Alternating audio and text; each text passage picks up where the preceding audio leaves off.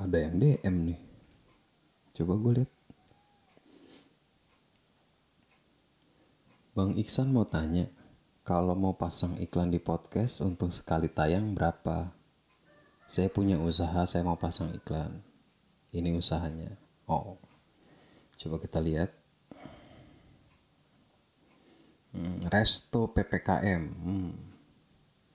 unik ya oh mungkin dia mungkin dia ngebuat usaha ini pas lagi awal ppkm kali ya. Ini ada gambar resto ppkm oh ini ada menunya juga.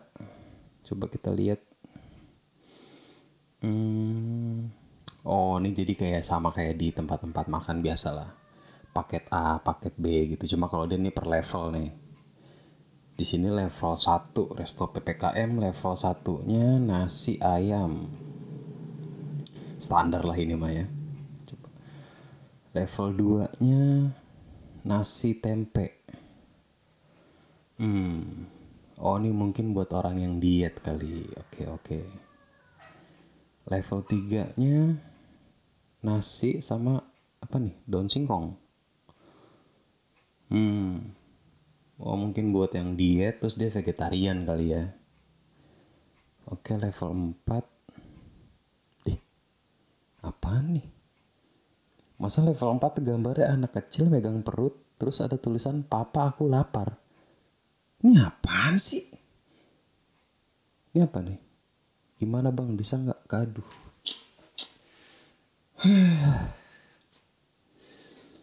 Ini resto apa sih? Masa level 4 anak kecil megang perut, terus ada tulisan papa aku lapar? Ngaco nih. Wah, parah. Huh. Halo guys, dah mulai dah. Sorry sorry sorry guys, sorry sorry. Eh balik lagi di podcast pendaki gunung. Uh, masih bareng gue Iksan. Ini gue masih ngetek sendiri nih. Kita masih misa-misa. Uh, ya meskipun keadaan lagi kayak gini tapi entah kenapa kayaknya kita semua juga masih ada aja kesibukan gitu. Ya Ali dengan dia juga lagi sekarang lagi sibuk ngurus anaknya. Gue juga saat ini kebetulan gue ada band gue juga lah saat ini mau recording juga. Jadi lumayan nguras waktu gue makanya gue juga jarang ngetek gitu. Nah untuk Bayu juga kemarin katanya dia sibuk migrain ya iya sakit kepala sebelah oh iya ini mumpung nih gue minta teman-teman doain Bayu karena Bayu ini lagi sakit. Bayu lagi sakit gejalanya sih parah ya. Dia tuh sampai nggak bisa ngomong gitu. Terutama di kalimat maaf. Kalau kalimat-kalimat yang lain lancar. Nggak bercanda bercanda. Bercanda baik aman baik Uh, guys, ini ini segmen apa ya? Ini gue kayaknya gue masukin segmen ngaceng deh. Uh, gue nggak bawain segmen virologi karena uh, segmen virologi pencetusnya bukan gue, bukan segmen gue gitu. Gue gak enak juga kalau gue main bawain, tapi nggak sama orang ya. Nah karena karena ngaceng ini segmen gue, jadi ya gue bawain aja deh di segmen ngaceng nih toh. Segmen ngaceng selain segmen gue ini juga segmen bebas kan. Jadi gue mau ngomongin hal di luar pendakian di luar hal gunung gitu. Sekalipun mau ngomongin pendakian juga nggak masalah gitu karena segmen bebas kan. Ini nih gue cuma mau ngebawain satu ini aja sih. Jadi ada uh, sekitar seminggu yang lalu kali ya gue ngeliat di Instagram di akun pendakian ya. Jadi ada mahasiswa dari Surabaya gitu. Uh, orang-orang IT sih. Dia bikin jaket yang ada GPS-nya dia bikin jaket uh, untuk ini nih gue gue bacain di artikelnya sedikit. Hmm. uh, jadi anak-anak Surabaya ini jadi uh, mereka bikin jaket yang ada sistem GPS-nya untuk mengurangi eh, kasus-kasus pendaki hilang di gunung gitu. Jadi kasus-kasus pendaki yang hilang ini jadi mungkin jadi motivasi mereka untuk untuk berinovasi gitu, untuk berkarya. Ini gue bacain sedikit. Selama empat tahun terakhir, angka kasus kecelakaan dan kematian di jalur pendakian semakin meningkat. Bahkan tak jarang pula tim penyelamat kesulitan menemukan titik lokasi dari para korban pendakian. Mengatasi permasalahan tersebut, lima mahasiswa Institut Teknologi 10 November atau ITS menggagas saker, sa, ini saker atau saker ya. Uh, panjangannya Smart Jacket for Hiker Uh, jadi di sini ketua timnya bilang kalau Sucker ini jaket yang dilengkapi dengan komponen Global Positioning System (GPS) dan pulse sensor yang berfungsi untuk mendeteksi lokasi dan kondisi dari para pendaki. Aduh, sorry. Kedua komponen tersebut kami pilih dengan tujuan meminimalisir waktu pencarian jika terjadi kasus hilangnya pendaki. Hmm.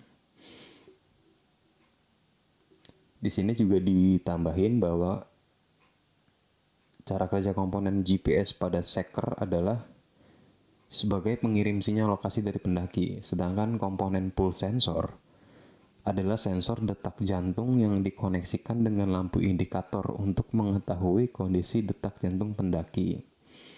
Lampunya akan menyala jika detak jantung sang pendaki di atas 90 bpm. Oh, ini anak-anak Surabaya ya ini gue nggak tahu ini udah udah berjalan atau baru wacana. Hmm, sebelumnya selamat untuk teman-teman mahasiswa yang udah uh, peduli dengan para pendaki dengan meminimalisir resiko uh, para pendaki hilang di gunung gitu dia mereka bikin kayak gini. Uh, ya ya congratulations gitu. Ini kayaknya bakalan laku selain untuk para pendaki juga untuk para orang-orang yang pasangannya ada gejala selingkuh ya. Jadi kalau ada orang nih pasangannya wah kayak selingkuh nih. Nah lu beliin aja nih. Kalau pasangan lu kira-kira selingkuh, lu beliin aja jaket ini nih. Ya, siapa tahu ya. Jadi kan lu bisa tahu nih. Sayang kamu di mana? Bisa dibalas aku di rumah pas lihat GPS ya hmm masa rumahnya di dalam lantai tiga kan nggak mungkin uh, yang jadi pertanyaan gue tentang ini gini. Kalau emang ini ya gue berharap ini eh sorry nggak gue nggak berharap. Tar lu. Uh, gue cuma mikirnya kenapa brand-brand outdoor yang udah ada yang besar-besar bahkan kenapa nggak memulai ini dulu gitu? Kenapa nggak memulai ini duluan gitu? Gue jadi mikir ke situ ya kenapa ya atau apa emang karena anak-anak mahasiswa ini emang jenius aja gitu murni jenius aja gitu. Tapi terlepas dari itu semua gue mau beropini mungkin opini gue ini akan banyak yang kontra sama gue tapi nggak apa-apa gue di sini cuma berusaha untuk jujur aja gitu. Kalau ditanya gue setuju atau enggak setuju nggak tahu kenapa gue ngejawab kayaknya gue nggak setuju. Nggak tahu kenapa ya nggak bukan nggak tahu kenapa juga sih. Gini uh, mungkin sekilas gue kayak menolak teknologi masuk ke dalam uh, gunung gitu. Dengan dengan adanya kayak gini gitu. Gue seolah-olah menolak teknologi kayaknya jangan masuk gunung gitu. Karena menurut gue gini ya mungkin sekarang ada juga uh, aplikasi di di handphone di di Play Store gitu untuk jalur pendakian gitu yang lu bisa pakai itu ya itu nggak apa-apa juga gitu cuma menurut gue gini hmm, Kayaknya yang dibutuhkan sama pendaki bukan ini sih.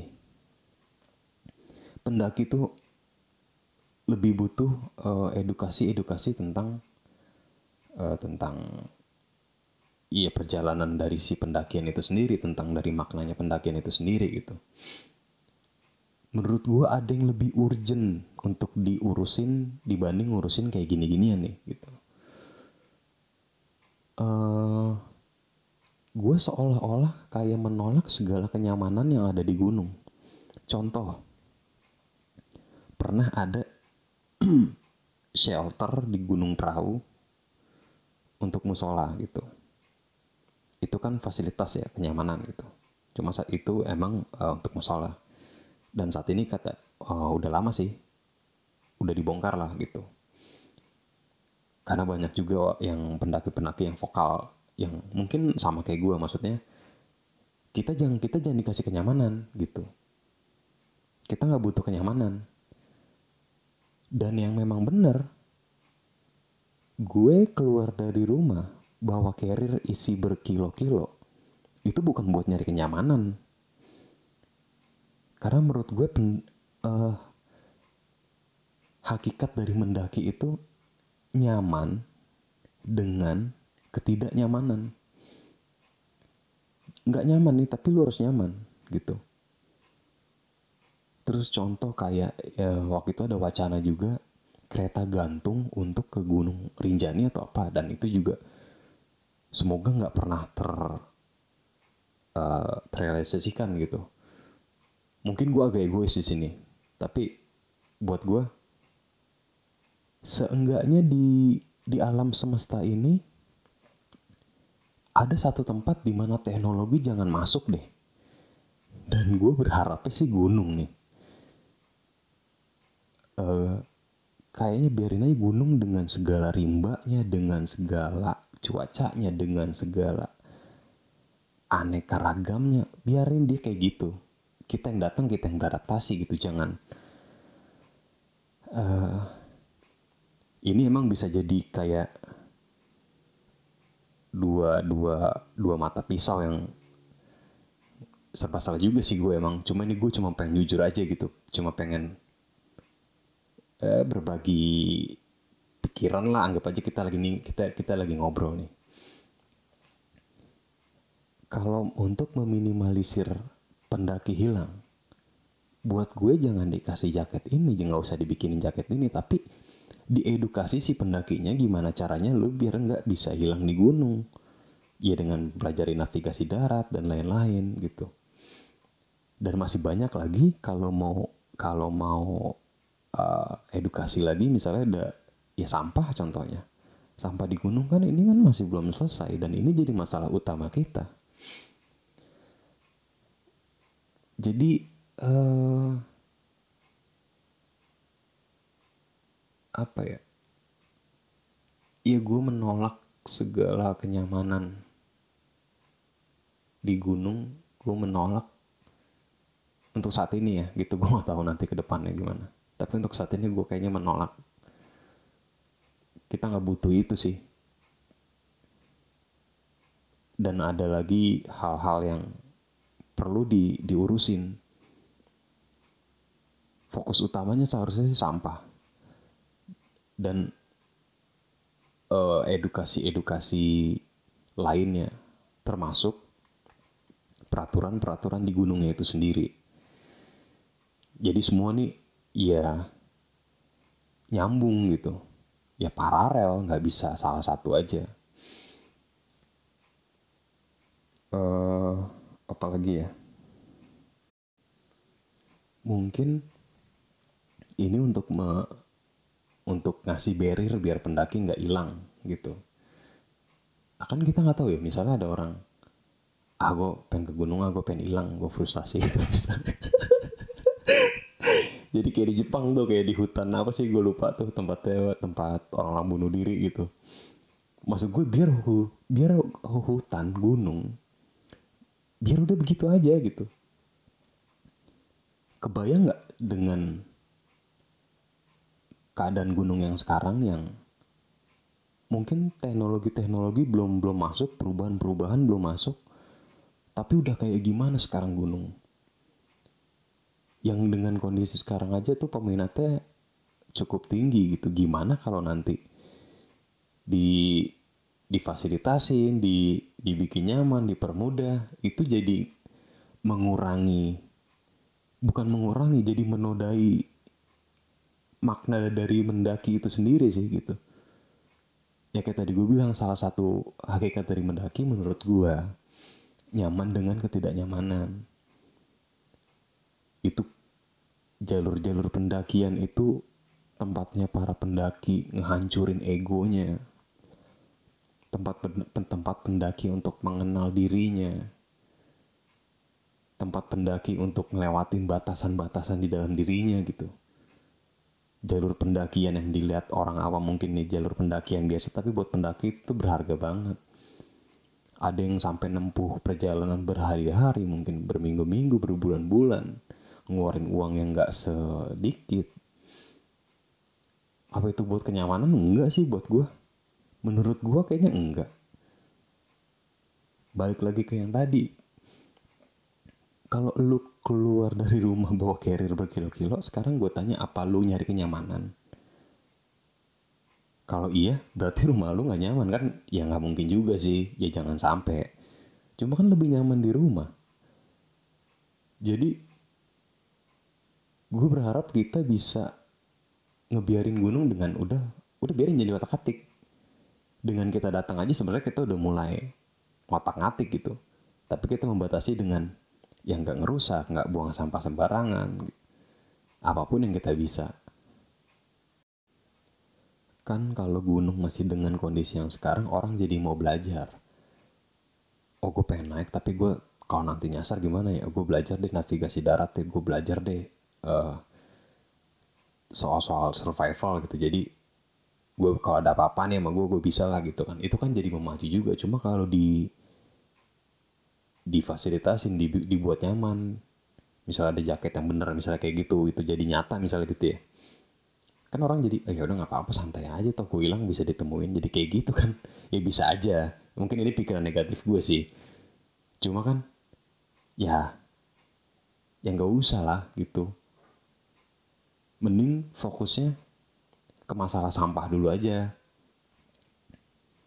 Kalau mau toler kalau boleh toleransi gitu. Mending kita fokus nih bareng-bareng nih. Ini gimana nih tentang sampah gimana tentang peraturan? Masih banyak gitu yang yang harus di di dibenahin. Ya kalau orang-orang takut naik gunung karena takut hilang ya bagus juga. Ya karena jangan main-main gitu jangan main-main di tempat itu ya oke okay lah. Udahlah kayak dari gue segitu aja. Gue cuma mau ngeluarin apa yang gue ngeganjel aja sih di di hati gue di pikiran gue gitu. Dan yang kayak menurut gue gini deh menurut gue gini deh gitu. Dan ya gue cuma mau sekedar itu aja sih. Dan ya mungkin